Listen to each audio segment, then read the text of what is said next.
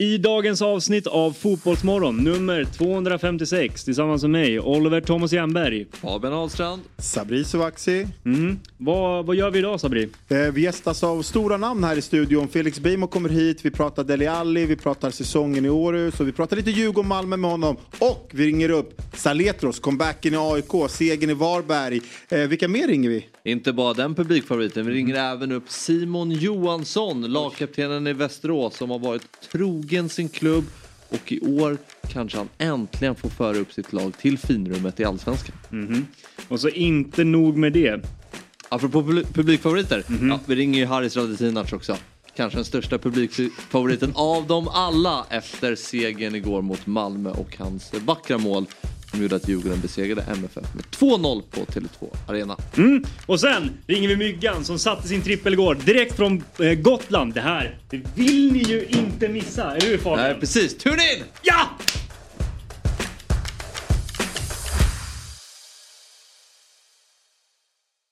Fotbollsmorgon presenteras i samarbete med Oddset, betting online och i butik. Carlsberg, alcohol free. What's your game day ritual?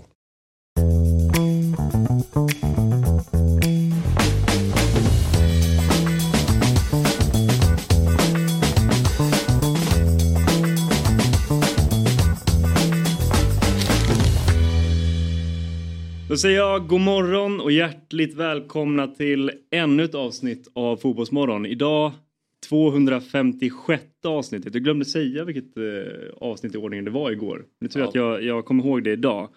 Eh, fortfarande med mig, Oliver Thomas Jernberg. Eh, tillsammans med Fabbe från igår också. Ja, Och Sabri. Men vi har fått förstärkning i studion. Och det grövsta kan man ju säga. Det är en eh, fotbollsmorgon-favorit.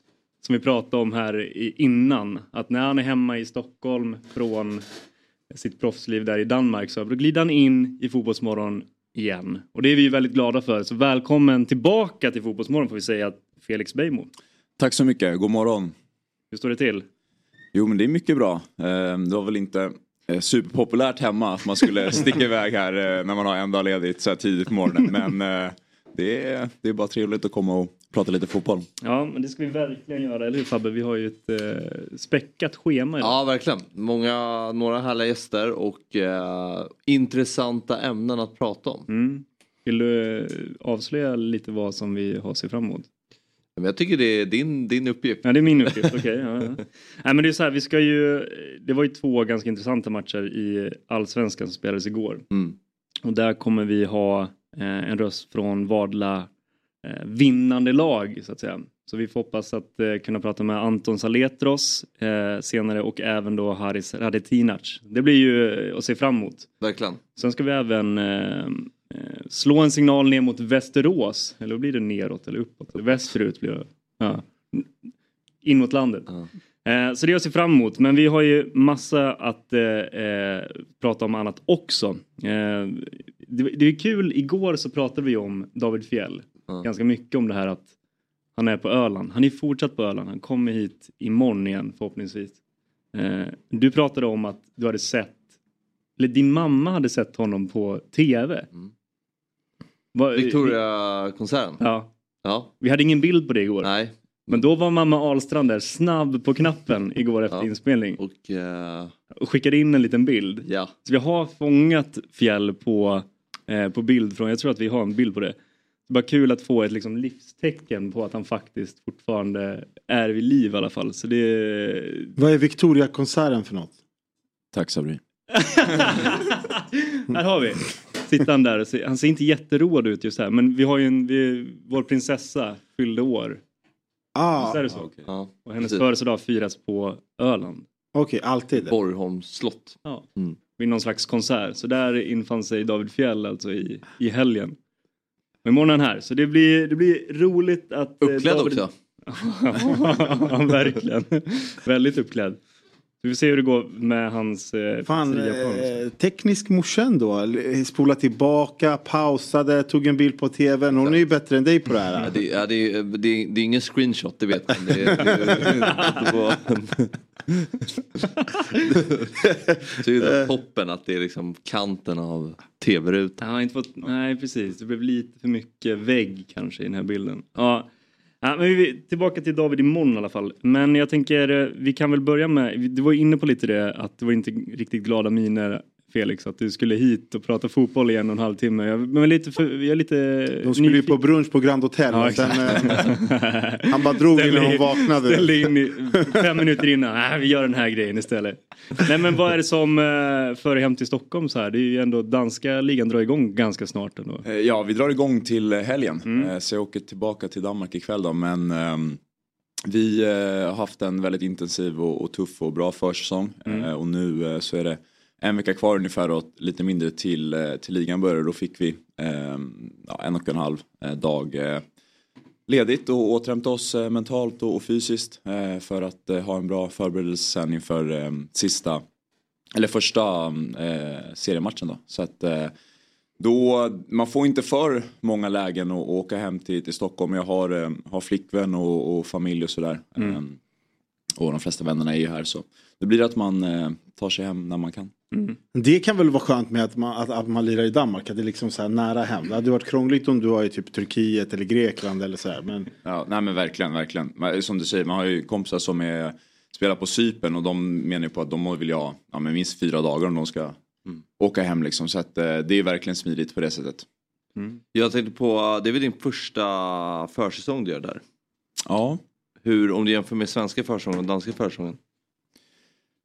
Framförallt så är ju hela upplägget eh, annorlunda i och med att det är en väldigt kort försäsong på sommaren. Eh, vi hade ungefär bara en månad eh, försäsong vilket är väldigt skönt. Man, då blir det också, man kommer väldigt motiverad direkt in på det och man vet att så här, okej men fan gör jag gnugget nu i, i två, två och en halv, eh, tre veckor och sen så är det bara en vecka taktiskt eh, i princip med med fokus på, på premiären och seriestarten så att eh, man, man kan ändå hålla sig rätt motiverad under hela under hela försäsongen. Så det har eh, det ändå flyttat på väldigt bra skulle jag säga, smidigt. Eh, kortare och mer intensiv försäsong.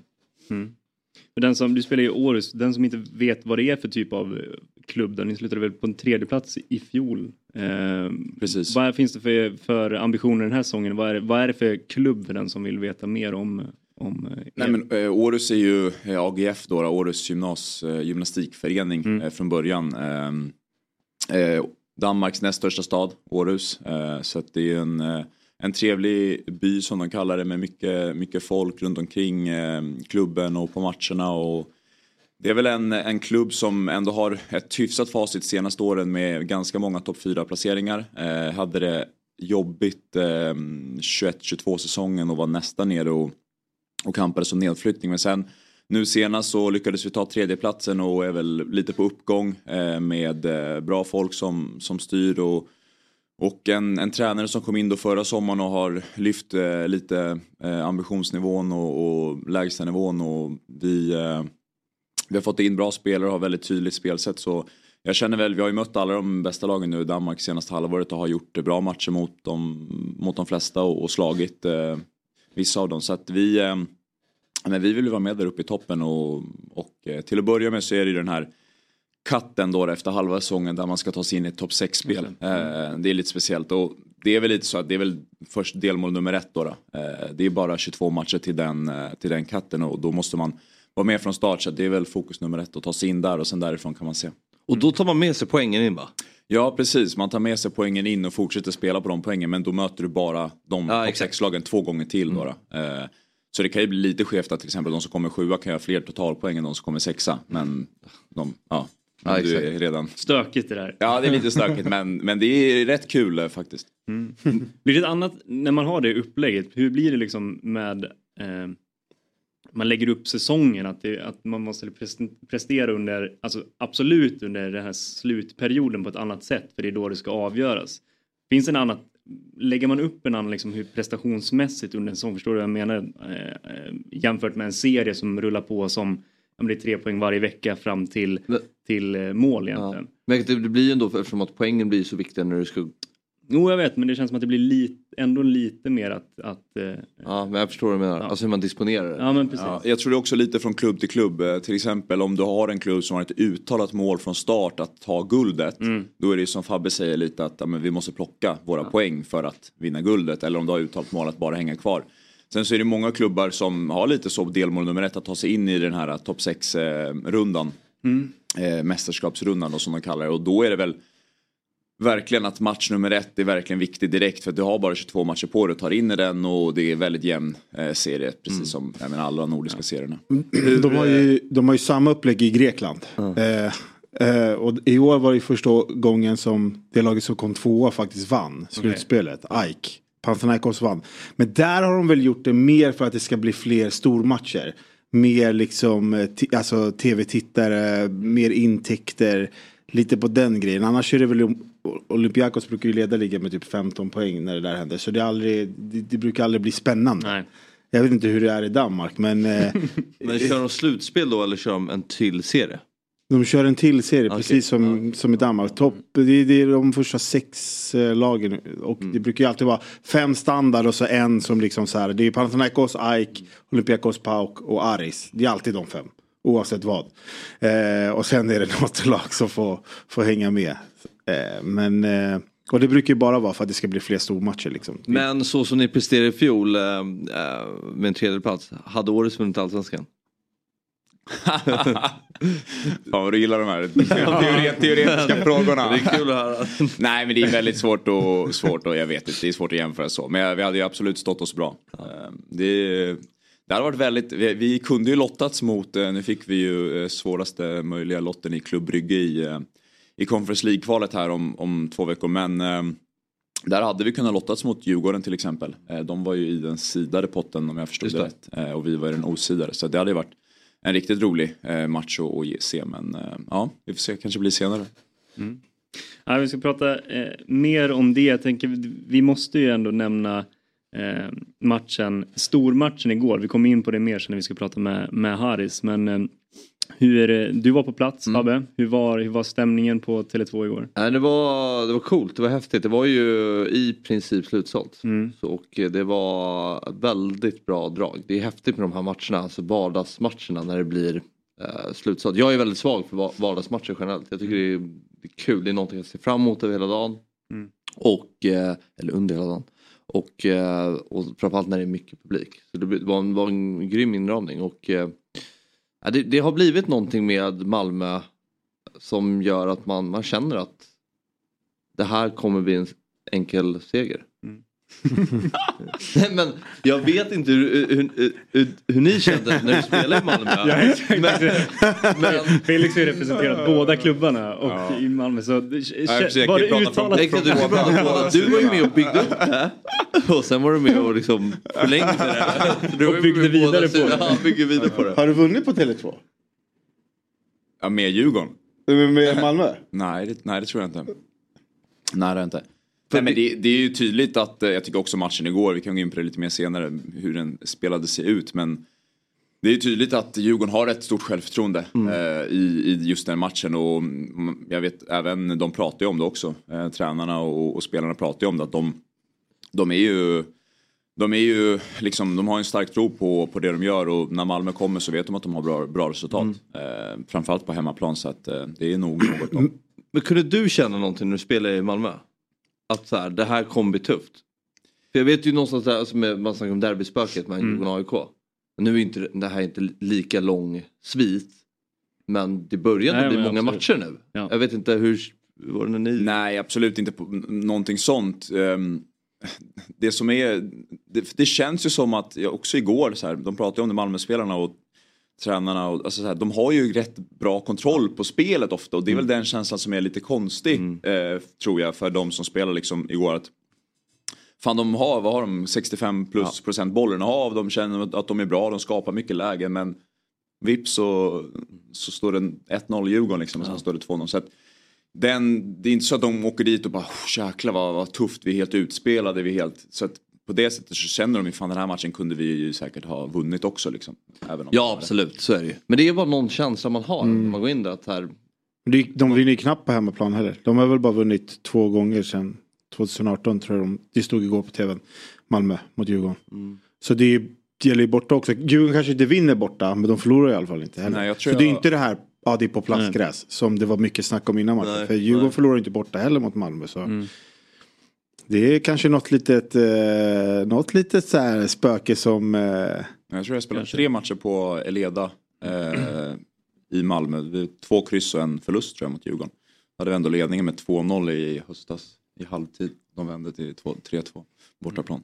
Det var en sjuk match. 2019 också. Ja, det var inte, Guldmålet. Ja just det, det blev ja, två torskar, ett kryss där kanske. Jag trodde det var. Malmö då, om vi ska prata lite mer om Djurgården sen då. Men Ja. Malmö då, ska man eh, prata li- lite innan här sändningen, ska man vara lite orolig för vad de är på väg? Det är ju två förluster nu och Mm. efter lite, det är inte mycket, men Nej, de- lite i, där uppe i toppen. Ja, de har fortfarande chansen att ta över serieledningen. Ja. Uh, men Men att det ja. såg ju så Ja. otroligt bra ut Ja. tidigare, men att det ja, gått ner lite grann. Det kanske är naturligt, men alltså- vad skulle du säga? Nej, men det, sen så är det, det senaste är ju att de har ju några nya spelare nu som mm. kommer in. Otto Mm. Rosengren får ju starta igår. Ja. Måns Jansson får starta igår. Uh, var det någon mer ny uh, som fick starta? Nej. nej. Uh, nej men det är ju spelare som ska in i det. Mm. Och uh, Rydströms fotboll kanske tar lite tid att, att komma in i. Uh, jag vet inte. Sen eh, att de förlorar matcher det är ingen katastrof. Det kommer de att göra. Uh, men de har ju haft en fantastisk säsong. Sen har de ju haft matcher där de har fått med sig Ja. poäng. De kanske Alltså, minns inte du att vi pratade om det i början av säsongen? Att man bara, nej, de spelar ingen bra, men de vinner. Till exempel mot BP borta, där de var direkt usla. Men gör ju två snabba mål på slutet och sådär. Att man pratade om att de inte riktigt liksom hade steppat upp. Men ändå vann liksom fotbollsmatcher. Jag tycker nu ser man lite så här. Jag tycker ändå att de saknar AC väldigt mycket. Hu, alltså Hugo, Vecchia. Jag tycker att man ser det. Jag tycker att det blir lite så här. Det saknas lite tyngd, speciellt i en sån här match. Det är ändå så här. Det är bra spelare, Nanasi, eh, Otto, Ali, men det är inte det här, det blir inte samma tyngd. Eh, Medan man ser på Djurgården, de, har en, de kommer med en tyngd. Eh, som gör så att de till slut gör de här målen. Eh, jag tycker det är lite skillnaden, men jag vet inte. Ni, det är era lag, ni vet om bättre än mig. Men det är min känsla när jag ser utifrån att ja, Malmö saknar lite det där. Eh, Inte Vad tror du Felix? Om Malmö? Nej men jag, ja, jag tror att eh, framförallt igår så tycker jag att det är rätt tydligt att eh, de här nya spelarna som kommit in i Malmö, det är som du säger kanske tar lite längre tid att att komma in i den typen av fotbollen. Om man kollar rent specifikt på vad de faktiskt gör på planen eh, så om man, eh, om man ser när Malmö har boll eh, så har de väldigt många spelare runt om boll eh, på en mindre yta.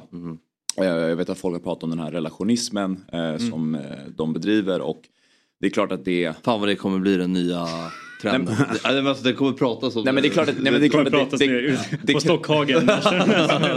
det kräver ju att man, att man känner varandra bra, Ja, att man har en bra eh, eh, förståelse för varandra. Det är ju liksom allt vad det går ut på, att kunna samarbeta på mindre ytor och, och sådär. Um, Medan Djurgården bedriver ett anfallsspel som när man ser de bollen, det är lite större ytor. Det är ett väldigt tydligt eh, liksom, strukturerat, strukturerat anfallsspel. Eh, jag tror också att man ser spelare som, nu har Flinus varit där ett tag, men som kommer in och de har verkligen liksom förstått och, och kommer in i fotbollen rätt fort. Eh, och de spelar så himla tydligt men de gör det så väldigt bra eh, måste man säga. Eh, det, det tar lite, lite längre tid och sen kan man ju tala om, jag tror alla lag eh, lider såklart när man förlorar. Du pratar om såklart AC, Vecchia och de här spelarna som inte är med. Alltså, alla lider väl när man tappar sina, sina bästa spelare men det kanske är lite extra när du spelar en viss typ av fotboll som kräver väldigt, väldigt bra relationer på, på plan. Och relationer tar tid att bygga upp, alltså det är som allt i livet. Ja. Vill du inflicka med något? Nej, jag bara gillar det där relationer, det nya ordet. fotbollen. Det är så här, kollar jag på Bachelor eller kollar jag på fotboll, du vet. Men man förstår ju innebörden av det. Verkligen. Eh, du, jag tänkte vi skulle prata om en, eh, en annan grej. Vi, nu har vi varit inne väldigt mycket på matchen och vi kommer såklart komma tillbaka till det. Men det var en grej som hände eh, förra veckan som jag tyckte var lite intressant och kanske eh, diskutera lite grann när vi har en professionell spelare på plats i studion. Eh, du var ju med i du var med förra veckan på länk va? Kan det vara i torsdags eller någonting sånt där väl? Ja, någonting sånt. Ja, något sånt var det. Ungefär samma, samma tid där så eh, publicerades det ju en intervju med eh, Dele Alli som blev alltså väldigt eh, spridd väldigt snabbt. Så det var ju en stark, eh, intervju där med, med Gary Neville i, vad hette den där, uh, The Overlap. The Overlap, ja. Mm.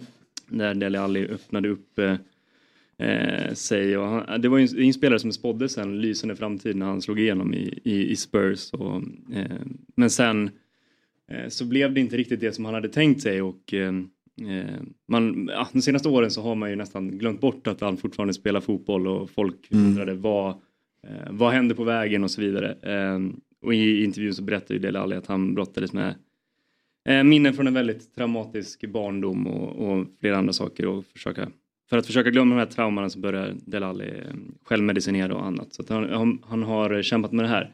Eh, jag tycker det är intressant att, att prata med den här saken med en, eh, en eh, spelare som dig då, som har varit ute i proffslivet i Europa och eh, ja, hur du som spelare när du ser en, en annan spelare eh, gå ut och göra den här intervjun. Hur, hur reagerar, reagerar du på, på det som Delali Alli sa och den här eh, ja, men reaktionerna på det här?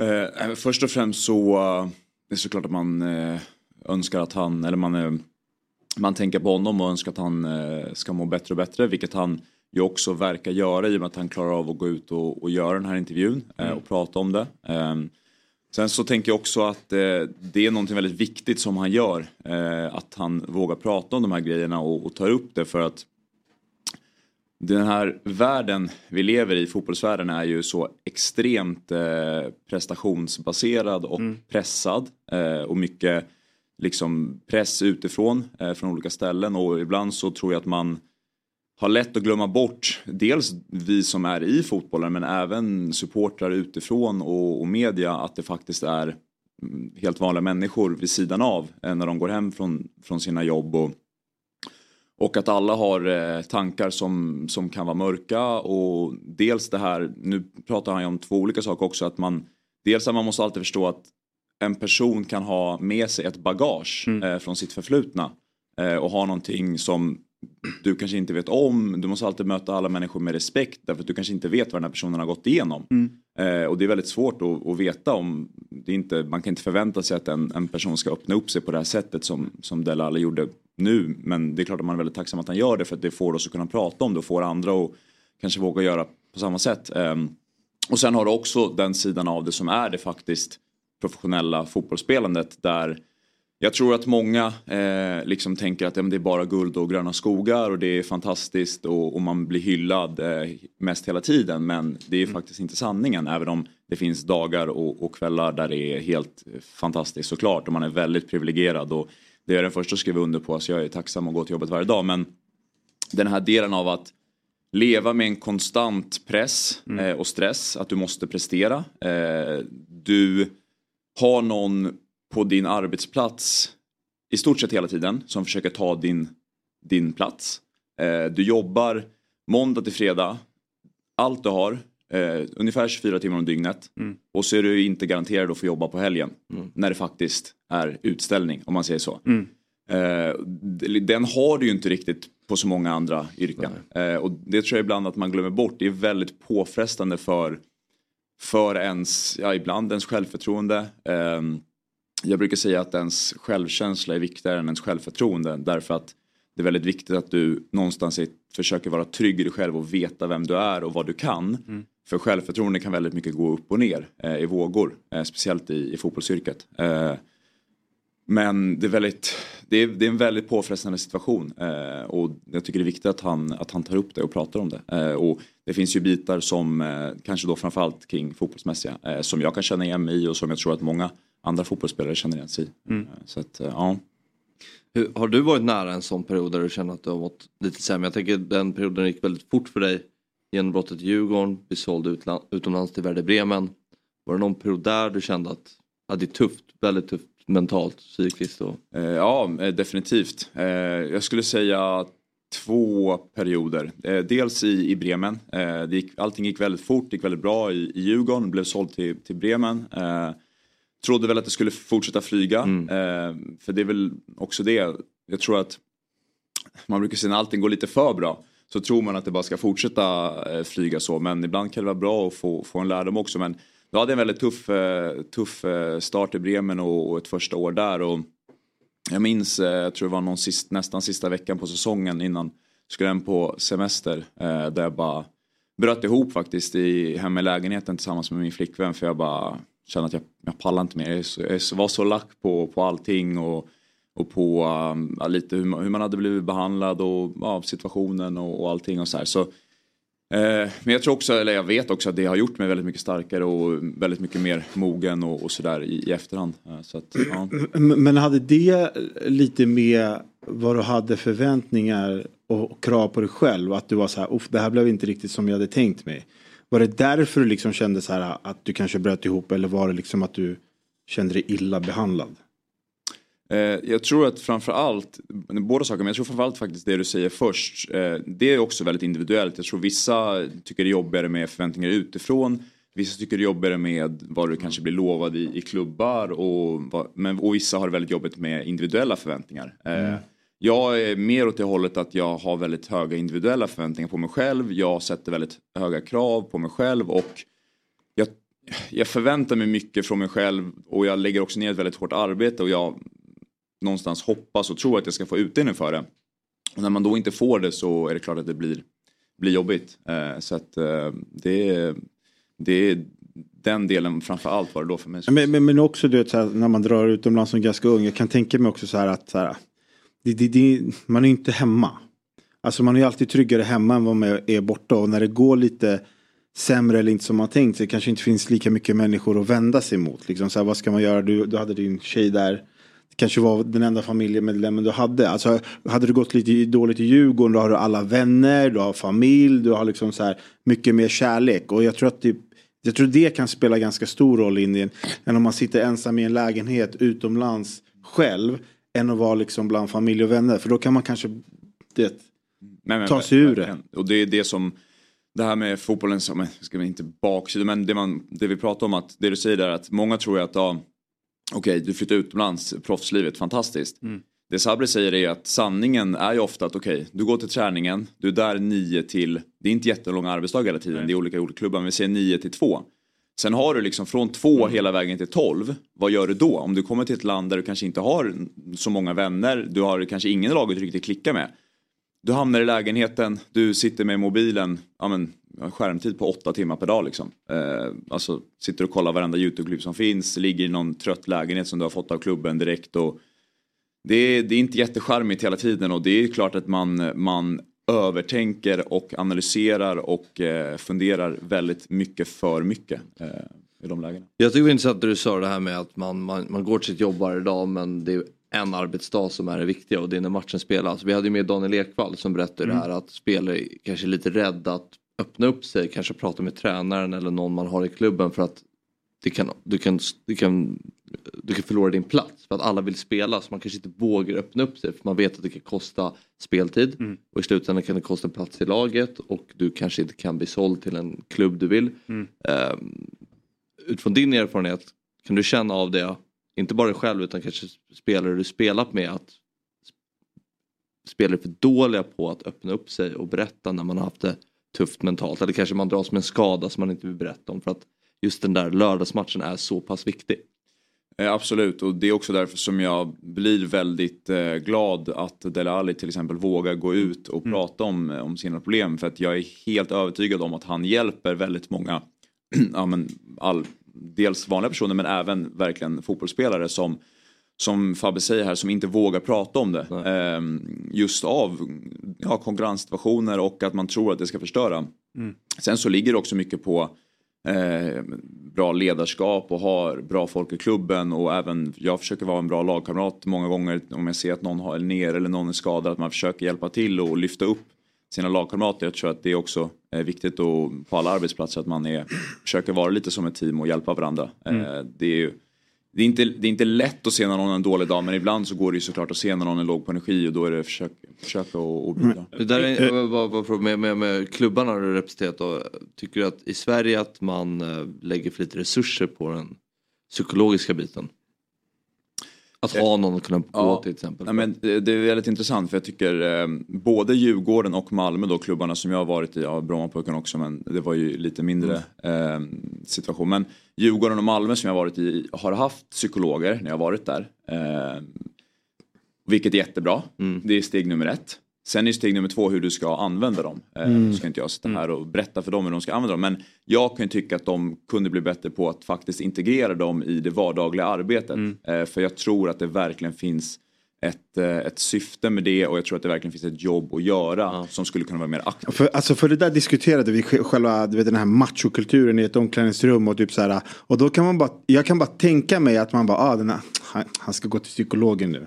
Kolla på honom, han mår dåligt. Alltså du vet så här, att de kanske inte är så här, det ska vara så här, det ska vara mer naturligt att gå dit. Men jag tror så här, det viktiga med hela Deli Allis, liksom att han har droppat sin story, det är förståelsen. Att alla supportrar, alla vanliga människor kan förstå att eh, det som eh, Felix också var inne på, att allt är inte guld och gröna skogar alltid. För att det man sitter så här, och han ska inte klaga. Eh, Hon ska inte klaga, de lever min dröm, de är fotbollsspelare. De ska inte klaga, de kan inte må dåligt. Vadå, kolla på mig, jag går till jobbet, eh, jag jobbar på bygge, jag går upp sex. Han ska inte klaga, kolla på hans lön.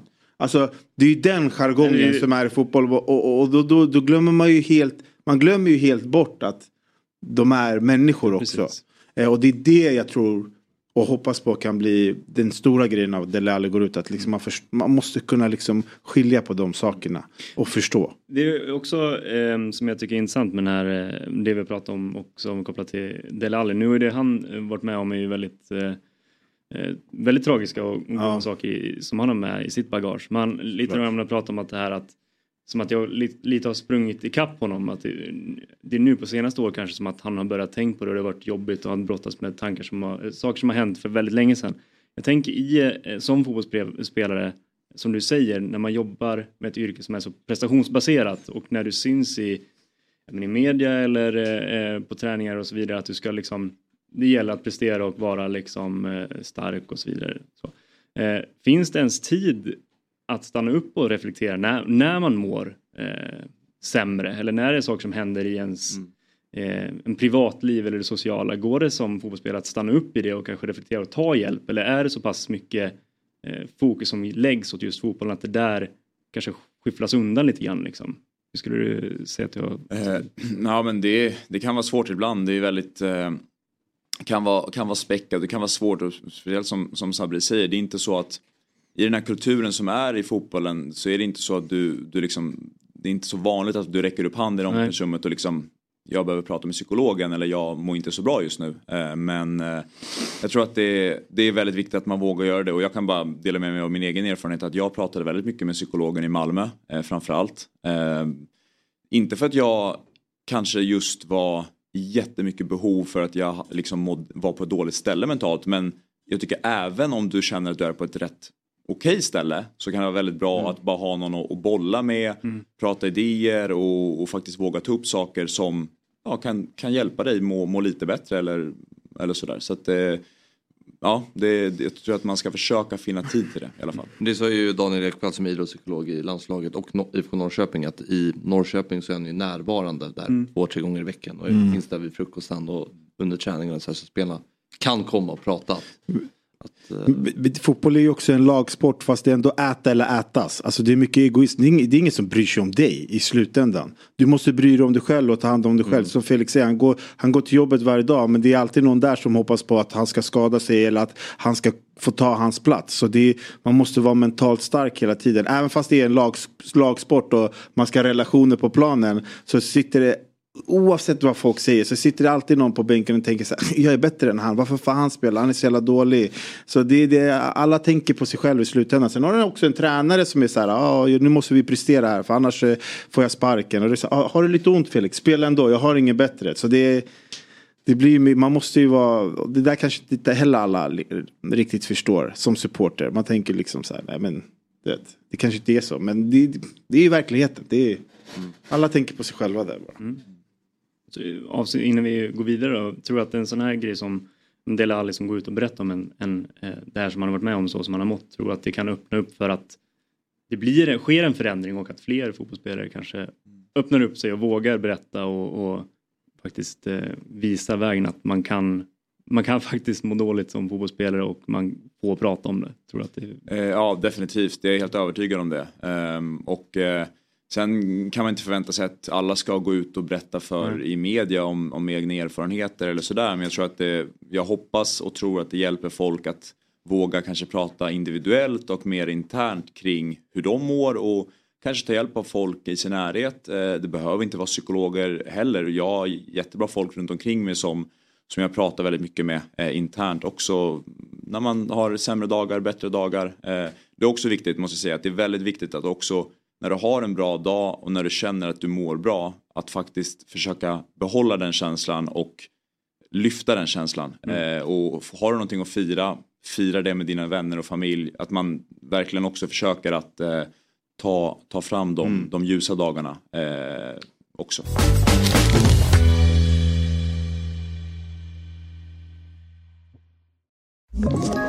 Ett poddtips från Podplay. I fallen jag aldrig glömmer djupdyker Hasse Aro i arbetet bakom några av Sveriges mest uppseendeväckande brottsutredningar. Går vi in med hemlig telefonavlyssning och, och då upplever vi att vi får en total förändring av hans beteende. Vad är det som händer nu? Vem är det som läcker? Och så säger han att jag är kriminell, jag har varit kriminell i hela mitt liv men att mörda ett barn, där går min gräns. Nya säsongen av Fallen jag aldrig glömmer på Podplay. Och det här, det här är väldigt kul för att jag, eh, ibland brukar jag så gå in och läsa, eh, kolla vad våra tittare eh, skriver efter programmet, vad vi fått för eh, ja, men synpunkter och så vidare. Det är väldigt kul att, att gå in och läsa. Jag har sett några gånger att folk skriver så här, väldigt bra program, bla bla bla. Men eh, var är snacket om superettan? Det har saknats lite grann, det är några som skriker efter det. Och då det är ju väldigt roligt att vi har med nu kanske superettans ja, men, stekhetaste spelare och, En av de bästa. ja, och Kanske i, bästa. I, kanske i det bästa laget just nu då. Ja. För det är ju så här att eh, eh, Västerås SK spelade ju en liten tidig seriefinal mot Utsikten i helgen. Mm. Hur, hur slutade det Fabian? 1-0 Mm. till Västerås. En ganska grinig match tycker jag. Mm. Och Okej. eh, det var en spelare som visade framfötterna mest och avgjorde matchen. Mm. Ja, matchhjälte och tillika lagkapten och vi säger ju väl, varmt välkommen till denne. Det är alltså Mr VSK Simon Johansson. Välkommen och eh, god morgon på dig. God morgon, tack så mycket. Hur står det till denna tisdag morgon? Nej, men det är bra. Lite trött, var uppe med min son där vid 5-6, så att, eh, men det är lugnt. Det är, det är alltid lätt när man vinner matcher, så Ja. inga konstigheter. Är 5-6, då har du ju ändå varit uppe i, några timmar nu. Det känns som att då är ju Lunchdags. lun- lunchdags snart. Han, han var byggarbetare. Jag kan inte klaga alls här på morgonen. Nej men vi, som vi var inne på, det är en tidig seriefinal som ni gick eh, vinnande ur där. Det är ju onekligen så att Västerås eh, stormar mot allsvenskan som det ser ut just nu. Du kan prata lite om er, eller Erik säger jag här. Fabbe tyckte att det var en grinig match. Hur var, hur matchen att spelas tycker du? Nej, men de gångerna vi har mött Utsikten, det är alltid, alltid grinigt känns det Mm. som. De eh, har ju lite som taktik känns som att få motståndarna ur balans då, så vi var ganska beredda på det innan. Eh, och matchen blev också så. Det var, inte, det var ganska hackig match. Jag tycker inte det var något, liksom något, något så här superspel åt, uh, åt något av hållen. Då. Men vi, vi skapade bra lägen i första och, och sen i andra så fick vi sätta dit den. Då. Och sen fick de ju ett rött kort någon gång i 75. Det var ju någon, någon ful armbåge så här, som eh, domaren tog direkt. Mm. Så att, eh, men det, var, det var mycket frisparkar där ett tag och det blir som sagt det blir hetsigt mot Utsikten. Mm. Eh, tänker, alltså Västerås är ju, jag tycker Västerås är spännande för ni ligger ju, ni är starka nu och ligger väl eh, tvåa för tillfället. Eh, Jag tycker Västerås har ofta varit inför säsongen ganska uppsnackade inför superettan och sen ibland så har det känts som att det eh, kanske ni inte riktigt har fått den träffen som ni har velat ha. I år verkar det som att det har stämt mycket bättre. Vad, vad är det som har eh, klickat just i år? Vad är, beskriv säsongen hittills. Vad är det som har eh, Ja, vad är det som har klickat helt enkelt? Slaktar väl Felix eh, Malmö i kuppen för något år sedan också? I gruppen?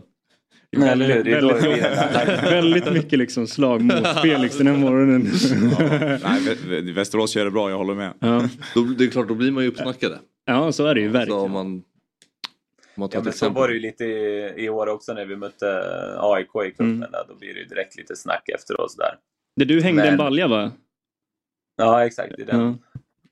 Ja, men eh, sen i år tycker jag vi har fått till defensiven. Vi har ju grymma... De tre mittbackarna vi har är, eh, alltså, har varit super, super bra alla matcher. Så att det är väl det som har varit främst eh, ja, men den största styrkan. Så här. Sen har vi ett lag med, med många som verkar bry sig om klubben, även fast jag vet att många kanske vill gå vidare i sina karriärer. Och, och så där. Men jag tror att många har kommit hit och insett att det måste gå bra för laget först för att jag ska kunna gå vidare. Eh, istället för att tänka på att jag ska spela bäst själv och, och så kommer någon vilja ha mig. Så det, det är många bra killar i laget och eh, ambitiösa tränare och många, många spelare som, eh, som vill mycket och vill framåt. Eh, Simon, eh, först tänkte jag bara, jag tror du känner min eh, svärfar. Eh, Säby-Kalle. Ja, ja, vi samma ställe. De är från samma ställe. Fick jag höra igår. Jag sa att du skulle vara med. Relations, relations, eh, Ja, just det. Relationismen. Vi jobbar relationer här i Vem är, det, Fotbollsmorgon. vem är det här då? Eh, Säby-Kalle, det är- han är känd för att han har sålt jordgubbar va? Exakt. Ja, du ser. Connecting people här. Ja, det är jättebra. Nej men jag tänkte du sa det, du nämnde det. Jag kollade lite också när du nämnde försvarsspelet. Ni har ju bara släppt in nio mål. Eh, förra året släppte ni in tredje mest av alla. Alltså är det något ni verkligen har gnuggat på på försäsongen? För att det, är väl ni och något lag till då som är överlägset bäst i försvaret i år. Ja, men vi, vi gnuggar alla delar, men det är klart att det har varit lite extra. Men sen är det ju, framförallt skulle jag säga att vi har fått, vi har ju fått eh, tre riktigt bra mittbackar. En, en från Burundi som heter Freddy som är riktigt bra defensivt och sen har vi ju Herman Magnusson som enligt mig kanske är den bästa backen just nu i Superettan. Eh, och så har vi en som heter Alex Douglas. Då. Alla tre har varit eh, riktigt bra. Så att, eh, vi har tränat mycket men man måste också ha bra spelare. Förra året tränade vi väldigt mycket också men då släppte vi in mål varje match i slutet. Vi hade liksom sån här riktig, ja men vi chokade, vi ledde med 1-2-0 eh, många, många matcher och tappade i slutet. Så att de har vi liksom eh, raderat ut i år och kan hålla med tätt eh, i slutet. Då.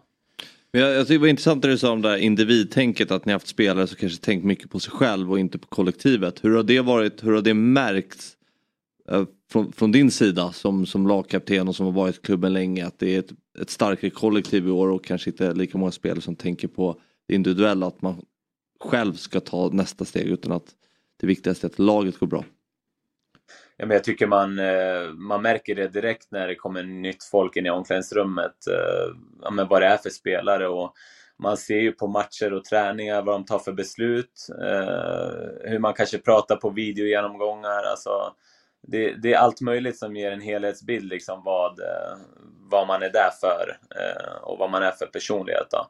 Så att jag, vet, jag tycker vi har, eh, jag tror de har gjort ett väldigt noggrant arbete med liksom rekryteringen och pratat med spelare innan de kommer. Inte att, inte att man bara hämtar folk från vilken, vilket lag som helst och bara för att de har gjort bra grejer. Utan det, ska nog, det har varit verkligen viktigt med rätt personlighet med och ja, det har speglat sig mycket i laget.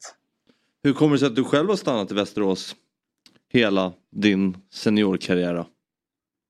Bra fråga alltså. Nej men det, jag tycker, enkla svaret är att jag tycker aldrig jag har fått deras alltså, tillräckligt bra erbjudande för att det ska vara värt att gå någonstans. Då. Plus att jag har väldigt mycket kärlek för eh, staden och för klubben. Eh, jag har min familj, jag hörde ni snacka innan om det här med att hamna i någon lägenhet i någon, eh, i någon trött stad eller på något konstigt ställe. Så här, det har jag aldrig varit liksom, intresserad av utan hellre då att eh, göra en, en karriär här och försöka ta laget upp till allsvenskan. Det har alltid varit eh, långsiktiga målet. Då. Eh, så att just nu ser det ju lovande ut att kunna avsluta på det sättet. Mm. Du har också varit med, som Fabbe säger, hela seniorkarriären i Västerås och spelat upp klubben från eh, en lägre division till, till, eh, till superettan. Hur, där klubben är idag, har, har under din period klubben mått så här bra någonsin liksom som organisation och hur stort har, har klubben växt under dina år i, i föreningen skulle du säga? Ja men enormt mycket. Det var ju eh, 2012 kom jag upp och då blev ju Victor Nilsson Lindelöf såld där. Sen eh, Mm. något år senare när han gick till United, det var ju då VSK fick mycket pengar. Ehm, men då gjorde man ju ganska mycket fel saker. Alltså, Mm. Man satsade på mycket äldre spelare eh, Eh, för att kunna gå upp snabbt och det kostade ganska mycket och man gick ju back väldigt mycket varje år istället för att satsa på organisationen och sådär. Ehm, nu är det inte så mycket pengar av dem kvar, men, eh, men de har ändå börjat inse liksom att man måste satsa på det här med organisation. Så nu har de precis anställt en klubbchef och eh, ja, men det finns lite saker på gång så att det känns som att, att de kommer få in mer och mer pengar och vi kommer kunna bygga någonting bra. Mm och sen har ju vi på planen och liksom ledarteamet gjort det väldigt bra. Det hjälper ju liksom klubben framåt. Det var ju, det var ju 5000 här på senaste matchen, vilket är väldigt bra. Så att det blåser mycket positiva vindar. Då. Hur ser konkurrensen ut med hockeyn? Ja, men de, de tar ju alla pengar. Eller Ja. de, har gjort, alltså, de har gjort det väldigt Ovanligt. bra med sin organisation. Så jag tror de hade 25 miljoner i sponsorintäkter i Hockeyallsvenskan, alltså från då bara Västerås företag. Och vi hade 2 miljoner. Mm. Så att det blir liksom, det blir stora, stora skillnader. Men jag tror att många börjar inse nu att det är väldigt svårt att gå upp i Hockeyallsvenskan. Det är lättare att satsa på ett superettanlag och få, få hit alla de här stora klubbarna så kan det bli riktigt fin fotboll här nästa år. Ja, kan, det bli, kan ni börja käf- käfta då lite grann mellan fotbollen och hockey? För ni spelar väl typ bredvid varandra? Er- Arenorna ligger väl nästan vägg i vägg? Kan det bli lite så eh, att ni springer på varandra där mellan, mellan träningarna och blir lite eh, käfta emot mellan varandra då kanske? ja, exakt. Jag känner några i det laget också. De, de har det gött där med bra löner och, och så vidare. Fin arena har de. Ja, den är, den är härlig. Mm. Du, innan vi släpper det Simon, som du var inne på, det ser ju väldigt bra ut just nu och, och ni, som det ser ut just nu så går ni nu mot, eh, mot allsvenskan. Jag vet när jag säger det så är det ju väldigt mycket kvar att spela om. Det brukar ju ni fotbollsspelare vilja säga, att det är, ingenting är klart än. Men vad, vad hade det betytt för dig att eh, få vara med och spela upp eh, Västerås i allsvenskan för, ja det är första gången sedan, sedan 90-talet, sent 90-tal som Ja, Västerås var sin- 97, 97 Mm. var senast. Och du får ju inte säga Nej, en match i taget i den här, med, Nej, i den här utställningen. Nej, men nu har, vi ju, nu har vi ju mött nästan alla lag och vi ser ju att vi, är, eh, att vi är så pass bra att vi kan vara där uppe. Så det hade ju, för mig hade det varit en besvikelse om vi inte gick upp faktiskt. Sen vet man att massa saker kan hända hos dem. Men, och om vi skulle göra det så hade det såklart varit eh, enormt stort. Jag har alltid drömt om att spela i Allsvenskan också och få möta alla de här eh, stora lagen och få dem framförallt till Västerås och kunna eh, bjuda liksom staden på ja, med väldigt fin fotboll. Det hade varit, eh, det går knappt att beskriva med ord efter den långa resan också med med division 1 och eh, man har blivit utskälld av supporten när vi har legat i botten i division 1 och sen har vi tagit oss upp och så har vi varit i botten i superettan och det har varit, det blir en fin resa som, som fansen och, och, och spelarna är värda att, att kunna gå upp med. Ja, bra så då. Tack. Eh, Vi, vi håller väl eh, tummarna för Västerås helt enkelt och får se Simon spela i, i Allsvenskan eh, nästa år så får vi tacka för den här morgonen och lycka till framöver. Tack så jättemycket. Tack. Lycka till. Lycka till. Tack. Då är vi tillbaka och Fel- Felix Beijmo ramlar in i studion likt eh, Robin Berglund som brukar komma in Ja. precis på efter Brukar halvtid vara 15 minuter. Ja, precis. Eh, jag tänker att vi ska alldeles strax eh, få tag i och snacka lite med Anton Saletros. Eh, vi kan väl bara prata lite grann om, om den matchen. Du hade väl lite fokus på, på AIK i, igår som reste ner till Varberg i ett riktigt ångestmöte där. Ja, om det var ett toppmöte i eh, Stockholm då var det ett bottenmöte i Varberg kan man ju säga. Så det var ju väldigt mycket ångest. Eh, men eh, ass, en otroligt skön seger. Eh, måste jag säga. Även fast det, det, det, det, kändes stabilt liksom med, att, med en 2-0 ledning. Sen eh, alltså började man känna igen dem när de tappar in en, ett, ett ganska enkelt mål och sen bjuder in dem i matchen. Så Ja, hur, kände, hur kände du i det läget? stress! Det var stress. Ja. Man mådde lite, de hade någon halvchans där också på slutet. Och när man trodde nästan att de kanske skulle kvittera. Eh, ja. Satte det på Tele2. att- ja, men då kände jag så Nu här. över. Nu sätt den här frisparken. Jag, då tänkte jag också så här, har de någonting i Varberg så kanske de har en gubbe som kan skjuta en frispark. Men eh, den, ah, han var helt iskall. Vi kan, väl, vi kan väl ta och prata med eh, en av dem som var på planen då istället. Matchens eh, lirare. Ja, det får man säga. För det var ju... Igår gjorde ju Anton Saletros comeback i, i AIK till din stora glädje antar jag Sabri. Verkligen. Ehm, han har ju varit ute i, i, i Norge och Frankrike i några år nu men eh, det var ju kniven mot strupen direkt då, som, som vi var inne på mot Varberg. Mm, Men det blev ju som du sa succé för den Anton Saletros. Han gjorde ju en väldigt fin match och eh, ja, han hjälpte AIK att ro hem tre oerhört viktiga poäng. Eh, Så vi säger väl god morgon och, och välkommen tillbaka. För jag tror minst sagt att Anton har varit med en gång tidigare. Minst. Men vi säger välkommen till, till Fotbollsmorgon, Anton Saletros. Ja, god morgon, god morgon. Tack så mycket. Hur står det till? Jag kan tänka mig att det, det är ganska bra denna to- tisdagsmorgon för dig. Ja, så bra, bra. Det är lite mer lättnad än, än bra om man säger så. Mm. Du, eh, matchen, matchen igår, hur, vi börjar väl med hur efterlängtat är det att äntligen få spela i ditt AIK igen? Nej, såklart. Det är skön känsla, mycket skön känsla. Så att, eh, det var fint att kliva ut, så nu eh, längtar man bara till eh, matchen på söndag mot, mot Malmö. Mm. Så att, eh, det, det kändes riktigt bra, speciellt när man får tre poäng också. Där i slutet var det inte, det var inte jättevarmt där i slutet, om man säger så.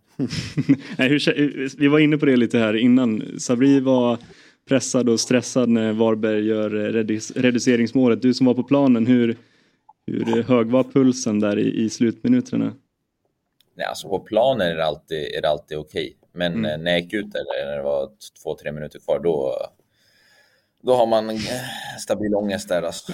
Men eh, så länge man är på planen så är det okej. Då, då Mm. känner man att man kan påverka utanför planen. Då är det, då är det hemskt. Alltså. Hur är det att komma in i AIK i det här läget som klubben befinner sig i? Alltså hinner man reflektera över sånt eller som ny spelare är det bara, är det bara att man går in och, och kör? Nu har ju du varit i klubben tidigare så men, men hur, hur är det att komma in till? Alltså, såklart det är en speciell, eh, speciell situation. Det är, inget, det är ingen situation som AIK brukar vara i, men eh, man går bara in och kör. Alltså. Man går in och kör, försöker påverka, göra sitt, eh, sitt bästa och hjälpa, hjälpa laget. Och, eh, nu har vi fått en, en eh, bra start första matchen och veckan, träningsveckan var ganska bra också. Så att eh, bara återhämta sig och jobba vidare den här veckan och, och ladda upp inför Malmö.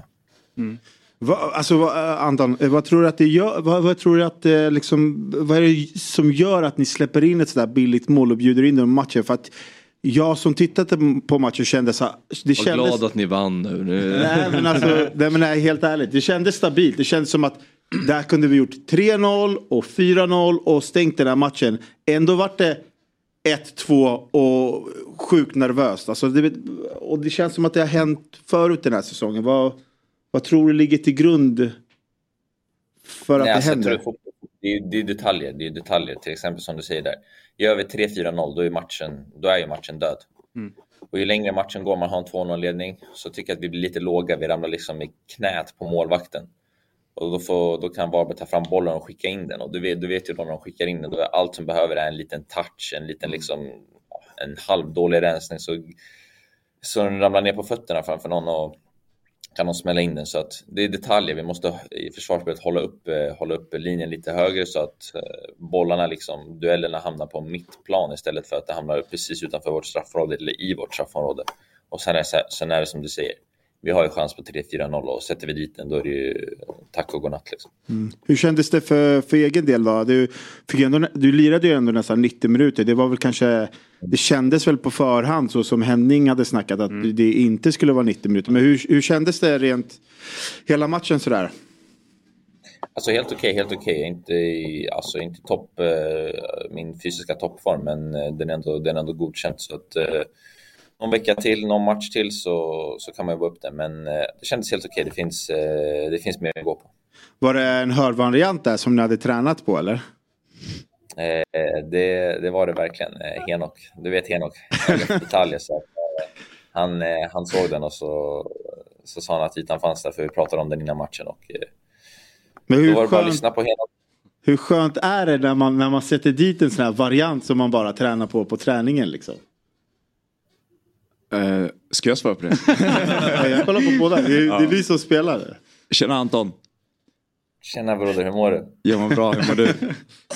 Jag messade precis det här alltså. Ja vad sjukt. Ja, jag stör dig här. Jag vågar inte hålla på med mobilen. Jag, tänkte, jag måste bara fråga. Den eh, assisten där till hörnmålet. Jag såg eh, målet. här. Var det en slice du slog? In i straffområdet? Nej, det var en det enkel var bredsida. Jag ska, Ah, jag ska, inte- jag ska inte lägga upp att jag sliceade den. Ja, jag tänkte hylla Det det här att om folk förstår hur svårt det är att slå den slicead pressad länk. Det såg nästan Nej, ut som det. alltså. Men, ja. men du har den kvaliteten också nästa gång. Näst, nästa gång sitter den. Men jag såg att du mot Århus, du var uppe, du var uppe som vänsterytter och serverade målen sen. Kommer dit snart. Kommer dit snart. Här ska du säga att det var en slice Anton. Du ska ju bara tacka och ta emot. Såg ut som det. Nej, ja, ärlighet, ärligheten var, vara längst faktiskt. Ja. Men du Anton, jag tänker på vi var inne på det lite tidigare. Du har ju kommit in här i, i, till AIK i ett, eh, i ett läge där klubben har haft det lite tufft. Eh, det har varit lite turbulent och, och sportsligt har det ju varit jobbigt den här, den här våren. Men med din bakgrund i AIK och den karaktären du är, har du känt att när du kommer till AIK nu att, att du har en, ett ansvar att komma in med dem med lite som en ledare i gruppen och ledaregenskaper som många vill eh, säger att, att du bär på där. Ett ansvar, ansvar. Alltså jag, är, jag är mig själv. Mm. Och då har man de egenskaper man har och, och bidrar på alla sätt eh, möjligt, både på och utanför planen. Så att, eh, sen har jag, som du sa, en bakgrund i klubben, så jag vet vad klubben står för. Jag vet vad som, vad som krävs för att spela AIK, speciellt om det blåser, blåser lite motvind. Och det gäller att leverera och inte gå och gömma sig. Så att, eh, det, det påverkar såklart, men jag är bara mig själv och den personen. Och det, just här och nu så känns det som att man går in i, eh, i den gruppen som är lite ledande. Jag, tr- för, jag Ja. tror, eh, jag tror eh, rent konkret så är det verkligen en, en typ av spelare som AIK har plockat hem här. Eh, nu känner jag Anton personligen men den här personligheten att vara en ledare eh, men även att vara väldigt ansvarsfull eh, som person eh, och som vän tror jag är verkligen någonting som, som AIK behöver just nu. Och tänkte bara fråga dig Anton, rent så här konkret eh, i vardagliga arbetet ute på eh, Karlberg, vad, vad försöker du bidra med direkt eh, och, och hjälpa laget och med, med dina typer av ledaregenskaper och hur du är som person? Nej, alltså positiv stämning när man kliver in på Karlberg liksom. Eh, positiv stämning redan från, från frukosten och ut till, eh, ut, till, eh, ut till planen. Och sen är det att sätta lite press liksom. Eh, också att, eh, ja, vi, kan vara skitgrymma på träningen men det är faktiskt på, på, på söndagen som, som det gäller. Så att det gäller att ha en balans där men alltid positiv stämning och eh, hårt jobb och visa, visa tydligt eh, med mina egenskaper att gå först liksom och så får andra hänga på. Om du var CL-final mot Varberg, vad är det hemma mot Malmö nu då? Ja, Alltså, det känns som alla matcher är en CL-final för oss nu faktiskt. Så att, eh, ja, det blir väl den här, vad är det, när man möter... Eh, vi var i Champions League tydligen i- igår då, så att då möter vi dem från eh, Sydamerikanska mästerskapet. Jag vet inte vad man kallar finalen. Ja, de kommer med två raka torsk, så det är dåligt självförtroende på skåningarna, så det är bra. Ja men det är bra. Vi vet att eh, Anton ni ska med, ni ska med ett eh, flyg tror jag så att vi ska inte ta Ja, din det stämmer, tid det eh, stämmer. eh, alldeles för mycket Jag hade gärna surrat med, men jag är lite, lite sen nu. Ja. det är bra, du får komma hit sen när du har, när du har mer tid och, in- och inte behöver båda och sådär. Han, han har råd att betala böterna ändå. Ja, alltså grabbar, jag, nästa, gång kan ni, nästa gång ska jag fixa håret och grejer, vara lika fräsch som er. Jag ser Felix har fått många passningar den här, den här eh, morgonen. Eh, nej, men bra så då Anton. Vi, eh, vi tackar för att du tog eh, dig tiden att snacka lite med oss och lycka till framöver och trevlig resa helt enkelt. Tack så mycket. Vi ses. Ha det bra. Ha det bra.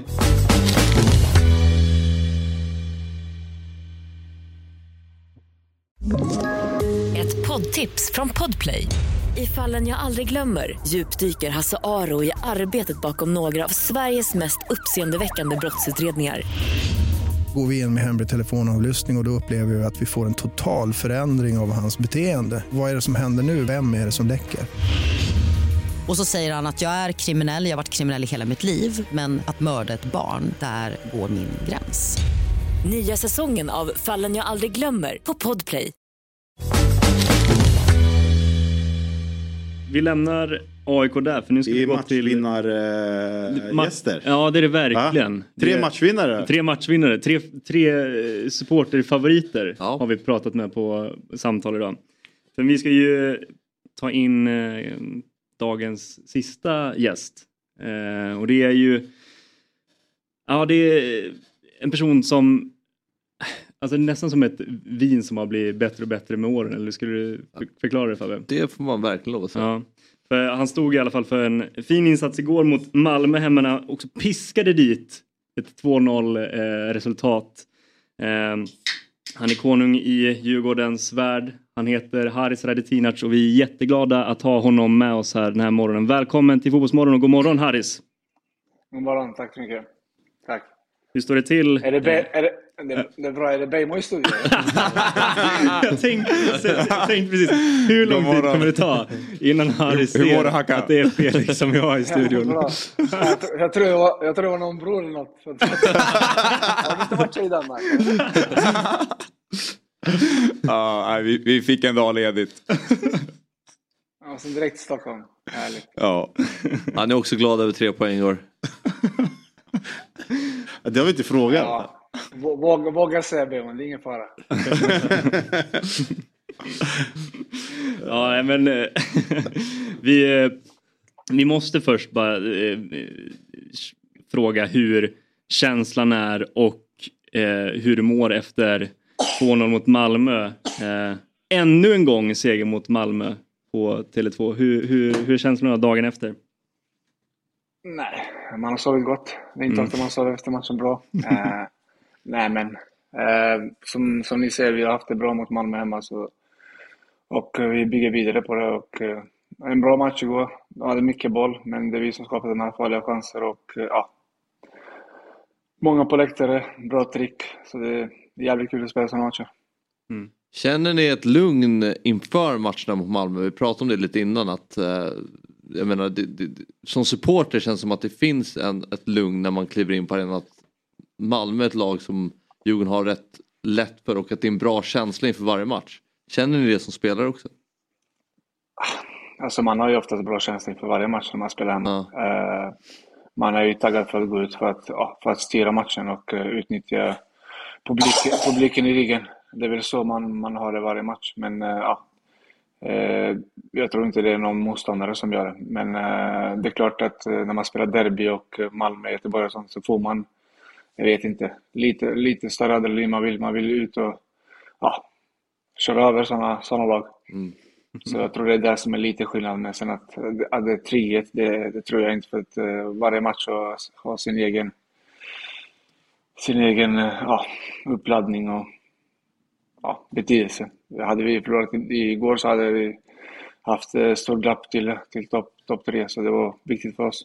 Mm. Jag tänker på, nu har ni väl åtta, åtta matcher utan förlust. Varav sex segrar. Det är ju från den där efter Hammarby-derbyt som var en ganska svag insats. Eh, och från Mjällby-matchen och framåt som var efter Bayern-derbyt. Så du, gjorde du din startdebut i Allsvenskan väl?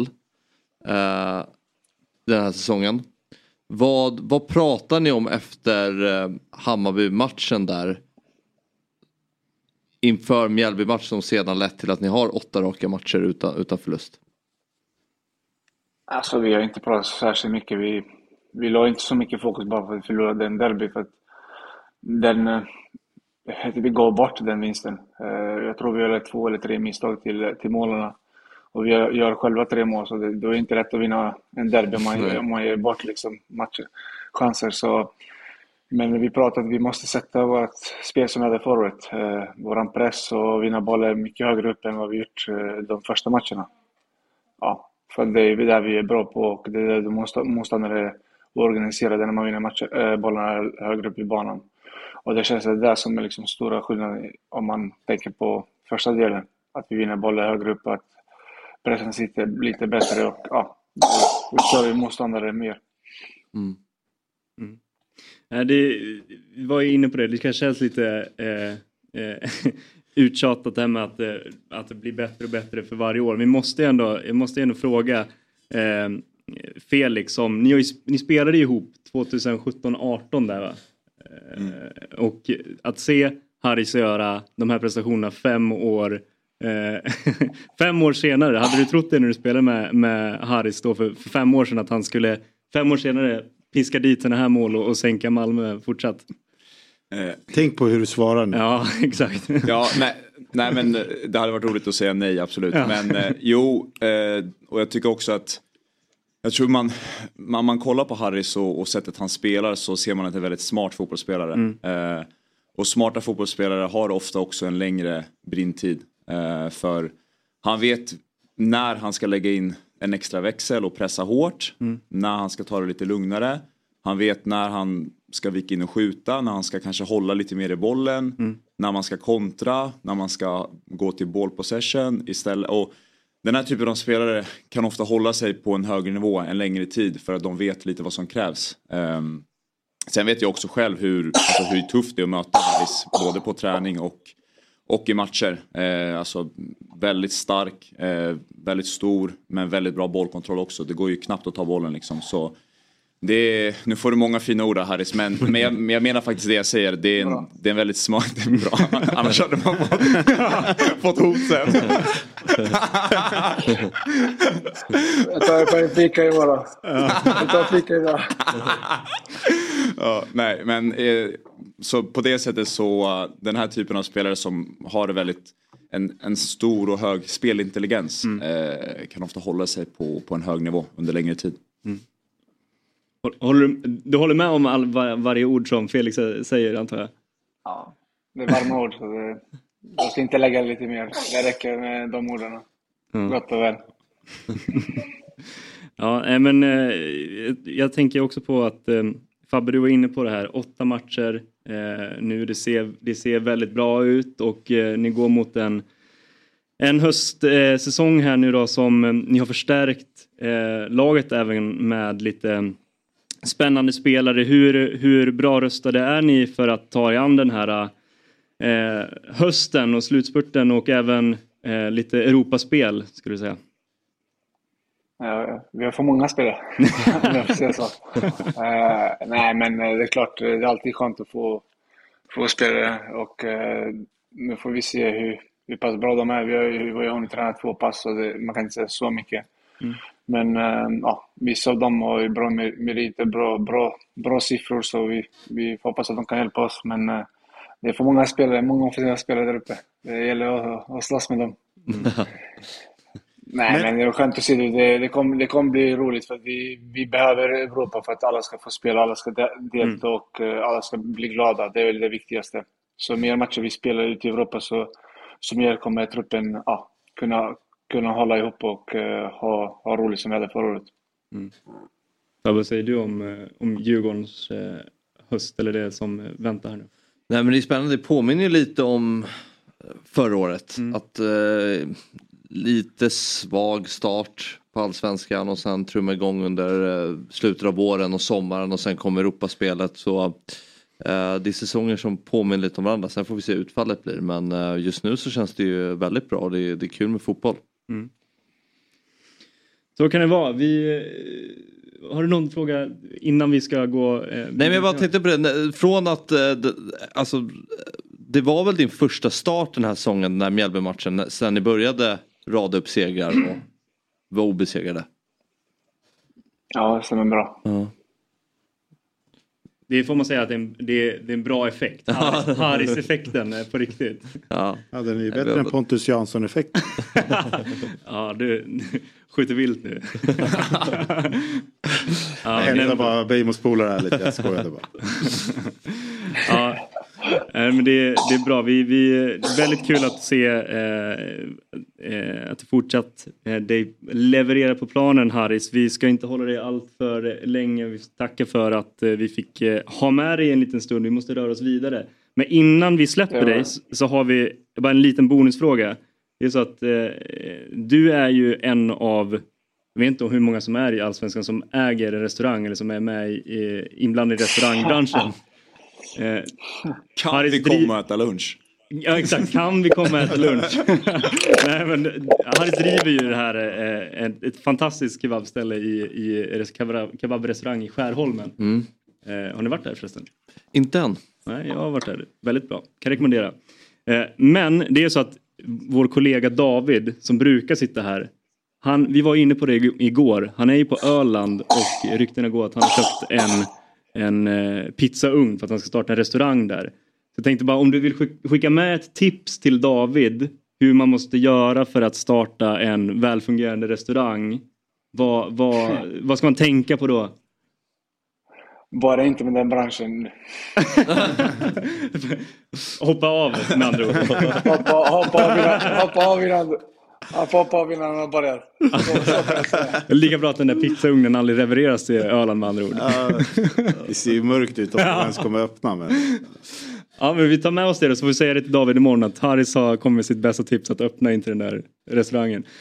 Jättebra Harris. Det är lätt, det är lätt att öppna men eh, det är huvudvärk. det är bra att man är väldigt bra på att spela fotboll istället. Att man kan förlita sig på det istället. Du Harry, stort tack för, eh, för att du tog dig tid den här morgonen och eh, lycka till framöver. Eh, så kanske vi hörs eh, senare eller längre fram helt enkelt. Det var så lite, tack själva. Ha det bra. Tack Bejmo. Tack Myggan! Va? Ja, kul. Nu har jag råd med ett par GT. Mm.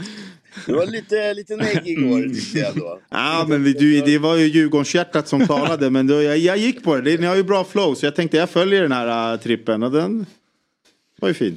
För den som, ja, för den som har missat då så Myggans trippel satt ju igår. Väldigt fint spelat. Sabri du satt jag igår och sa att, att Myggan spelade med hjärtat. Det visar att Myggan har ett fint hjärta för mm. trippen den satt.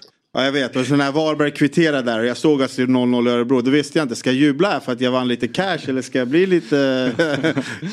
AIK vann med 2-1, perfekt! Jag fick cash, ja. AIK vann.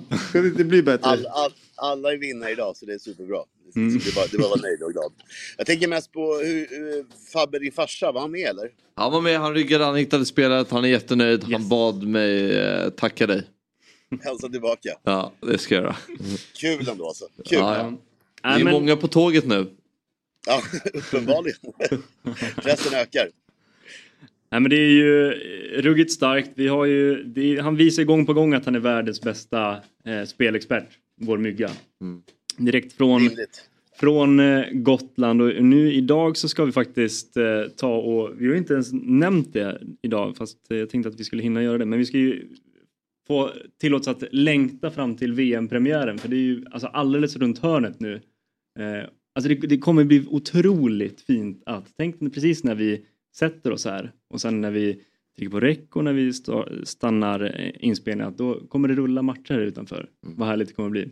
Ja, gud ja. Ser du fram emot det? Verkligen. Mm. Eh, och för att se fram emot det här Eh, tillsammans med Myggan då, så har ju du eh, tagit ut några eh, långtidsspel som vi tänkte att vi skulle kika på. Hur har du, hur har du tänkt på spelfronten?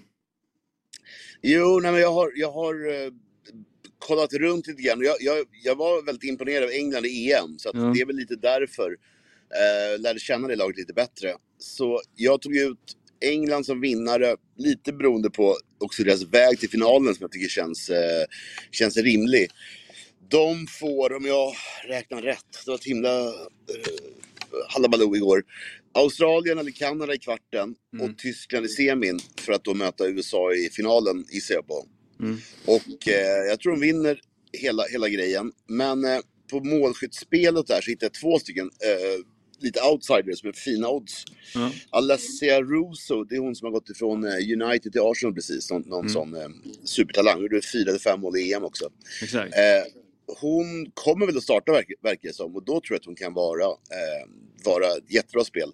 Mm. Men jag tog med Sofie, Sofie Smith också i USA för att eh, USA har Vietnam i sin grupp och mm. eh, det är en riktig, riktig slagpåse i den gruppen där det kan spåra ur.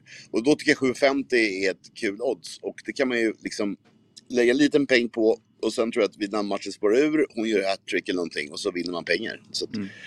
rygga det tycker jag. Mm. Mm. Väldigt bra. Det är, det är två spelare som har, man får säga att det är ett bra målsnitt och poängsnitt när de också har spelat i, ja, i sina klubblag då, i ja, United som i, i fjol då, och som nu eh, inför den här säsongen Eh, stjärnnyförvärv till Arsenal då i, i Russo och sen eh, Sofia Smith som spelar i Portland tror jag att hon är va? Och gjort eh, Ja, öst in mål. Thorns kanske? Ja, Portland precis. Thorns eller något sånt. ja. Eh, Men Russo snittar ju, det är ju mål varannan match i, i landslagssammanhang och, och Smith har ju eh, nästan lika bra siffror eh, hon i, i landslaget. Så det här är ju spelare som tidigare har presterat i landslagsdressen. Så att det är ju två till bra odds då som eh, spelare som du har hittat här. Mm. Jag tycker el- 11 där på Rose är jättekul. Det kan vara en Mm. rolig, rolig peng. Och England kommer gå, gå långt så att man kommer vara med länge på lappen, vilket är Mm. kul också tycker jag. När man lirar sina långtidsspel, så man inte åker ut på en gång. Eh, och sen så bara kan vi, kan vi tillägga att, att eh, jag tror det går bra för Sverige, men jag tror inte att eh, vi har några, några målskyttevinnare i, i svenska truppen. Eh, så att eh, det, jag håller mig ifrån det, ska Mm. jag säga. Om du, har du hinna, hunnit blick- blicka någonting på eh, om man skulle eh, vara sugen på att spela någonting på Sverige, vad skulle du sätta dina pengar på då? tycker jag är bra, eller bra bra, men det var okej odds på att nå kvarten om det var två gånger pengarna. Det, Mm. det känns ju väldigt rimligt. Och det, det, det känns som ett bra spel. Mm. Så det tycker jag, verkligen. Den borde nästan funnits med här. Länge i lappen som man säger. Länge i lappen. ja. Men du tror... Du tror inte på den här uh, Fifa-grejen, EA Sport. De brukar ju simulera VM och sådär. Gjorde det 18, då vann Frankrike. Gjorde det 22, då vann Argentina. Så de gjort det på dam-VM och då står ju USA som vinnare. Okej. Eh, Som Men- den där ju- bläckfisken. Ja, men jag, jag är sån här, jag tror ju på sånt där. Paul, eller Jag, jag, jag, jag gissar, jag tror ju på USA i final. Men eh, om jag ska vara spelexpert så ska jag kanske inte direkt eh, ha källan Fifa eller bläckfiskar. Så att jag, jag, jag hoppar över den om magkänslan. Men Sabri, kämpa på där med, med Fifa. Ja, ja, jag ska lägga en slant på USA. Ja. Har du i huvudet, vad, vad står eh, USA då i, i, i oddsväg? att- 350. Ja, men Snabbt. ish alltså. De, de, är, de är favoriter. Ja. Så att, eh, nej, verkligen. Det, det, det är inte mycket de står i. Så att, visst, lägg några kronor där också. De Mm. kommer nå final tror jag nästan säk, säkerligen. Så att, bra spel. Mm, spännande. Så Mm. kan man ju också, om man vill då, så skulle man ju kunna kombinera, om man då vill ha England som mästare så hoppas man på att Russo blir den stora liksom, eh, bärande kraften för England och eh, kanske ta hem den där skytteligan. Så har man ju två delikata spel att, att, eh, att se fram emot om man vill gå all in på England här alltså. Verkligen, Mm. verkligen. Ja men bra så, det kommer ju mer eh, spel framöver de kommande dagarna med, med, med fokus på det stundande världsmästerskapet. Så, att, eh, så hoppas vi på att vi fortsätter på, på inslagen väg då helt enkelt. Ja, ja, verkligen. Imorgon är topptipset med, med en massa matcher från VM och sånt. Så det blir jättekul. Mm. Härligt. Ja, det Ta hand om er. Detsamma. Du ska säga också att eh, det här, som, samma sak då till, till pappa då, Harlstrand, att det inte går att, att rygga det här fortsatt utan man får knäpp, knappa in det här själv och hitta det. Eh, Bra att vi har gett upp QR-koden i alla fall. Exakt. Den, den, den, ska inte Lu- den luddiga. QR-koden. Ja, den, den, den, den, den QR-koden som... Den enda QR-koden som inte fungerar i hela världen. Men det är någonting också, ja. en sån QR-kod. eh, och kom ihåg att Oddset är en produkt från Svenska Spel, Sport och Casino AB och åldersgräns 18 år. Har du eller någon du känner eh, problem med spel så finns stödlinjen.se.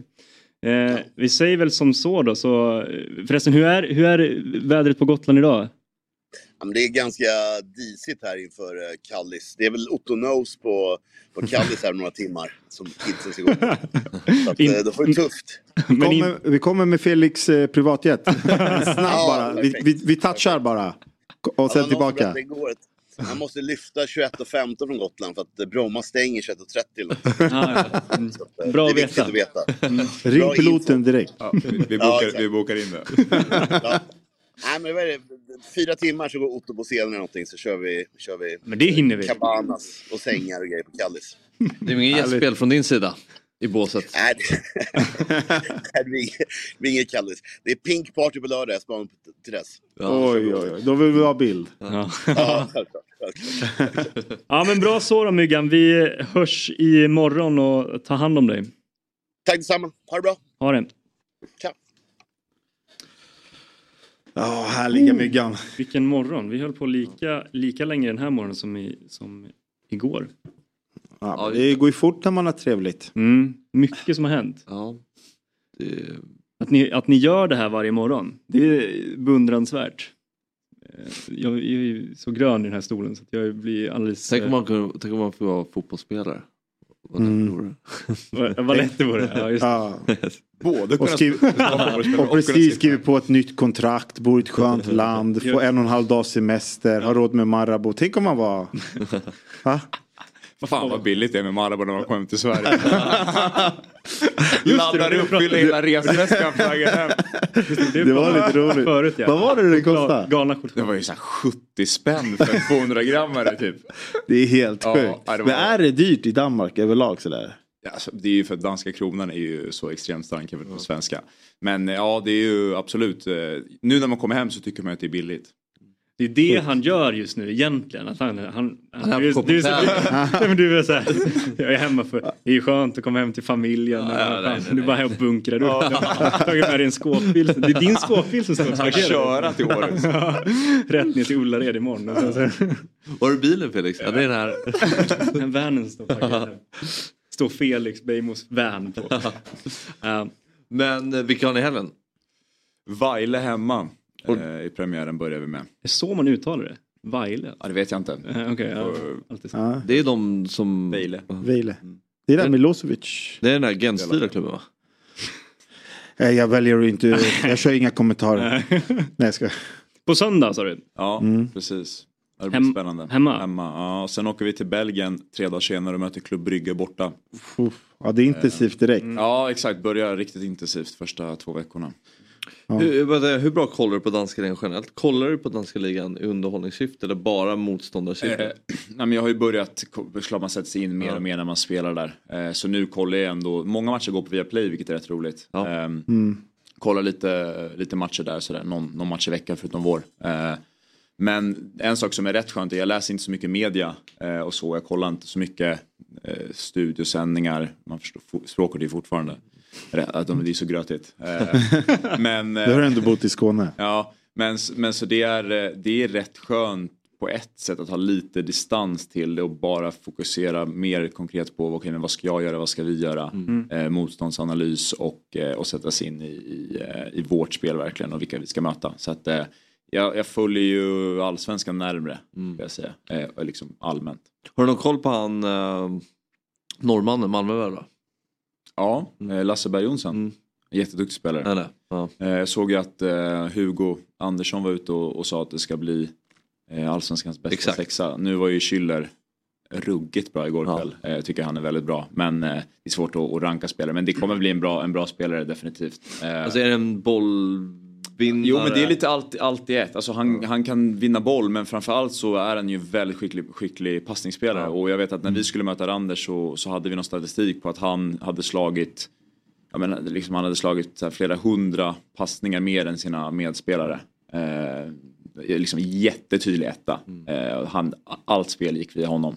Eh, så att det är en, de har gjort sin, sin research här. De har ju väldigt duktigt team med, med scouter och sportchefer och allting i Malmö. Så de vet ju vad de gör. Spännande. Mm. En, en, föl, en spelare att följa med andra ord. Ja. Är han värd att få slutorden? Ja, va- varför inte? Nej, säg något Fabbe, säg något. Säg något smart. Nej men inte Säg- säg- Beijmo. Jag menar mer eh, alltså, att han är den som ska, vi ska summera programmet med den spelaren. Tycker jag låter jättebra. Ja, det tycker jag med. Det är dags att Det här avsluta. tyckte jag med, bara fråga dig. Ja, nej, men du, du kan bestämma lite. Vi är ju podcastarnas hundra passningar plus. Ja, ja, ja, ja. Mm. så är det.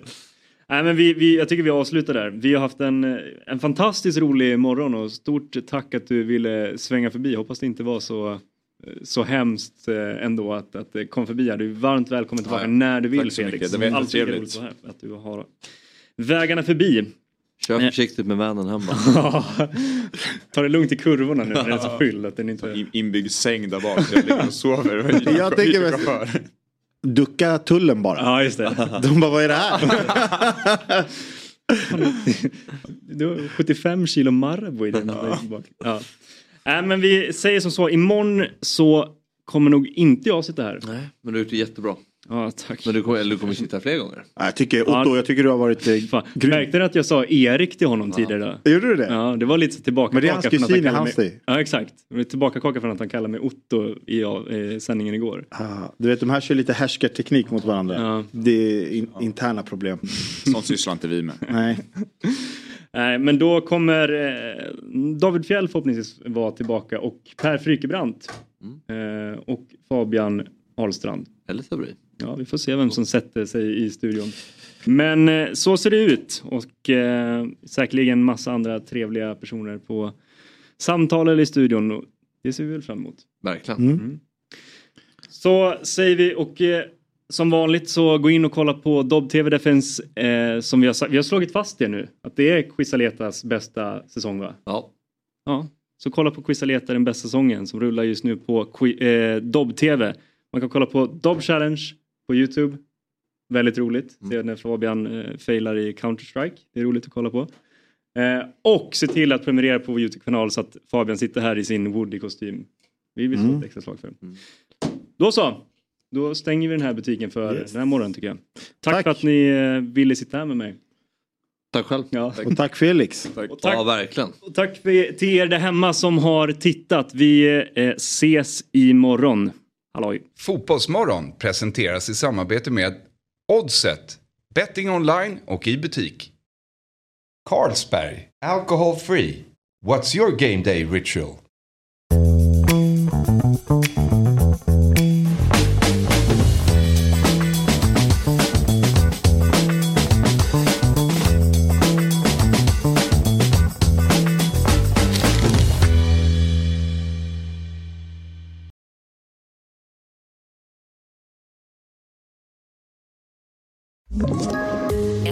Poddtips från Podplay. I podden Något Kaiko garanterar östgötarna Brutti och jag, Davva, dig en stor dos skratt. Där följer jag pladask för köttätandet igen. Man är lite som en jävla vampyr. Man har fått lite blodsmak och då måste man ha mer. Udda spaningar, fängslande anekdoter och en och annan arg rant. Jag måste ha mitt kaffe på morgonen för annars är jag ingen trevlig människa. Då är du ingen trevlig människa, punkt. Något Kaiko, hör du på Podplay. Därför är gardinerna.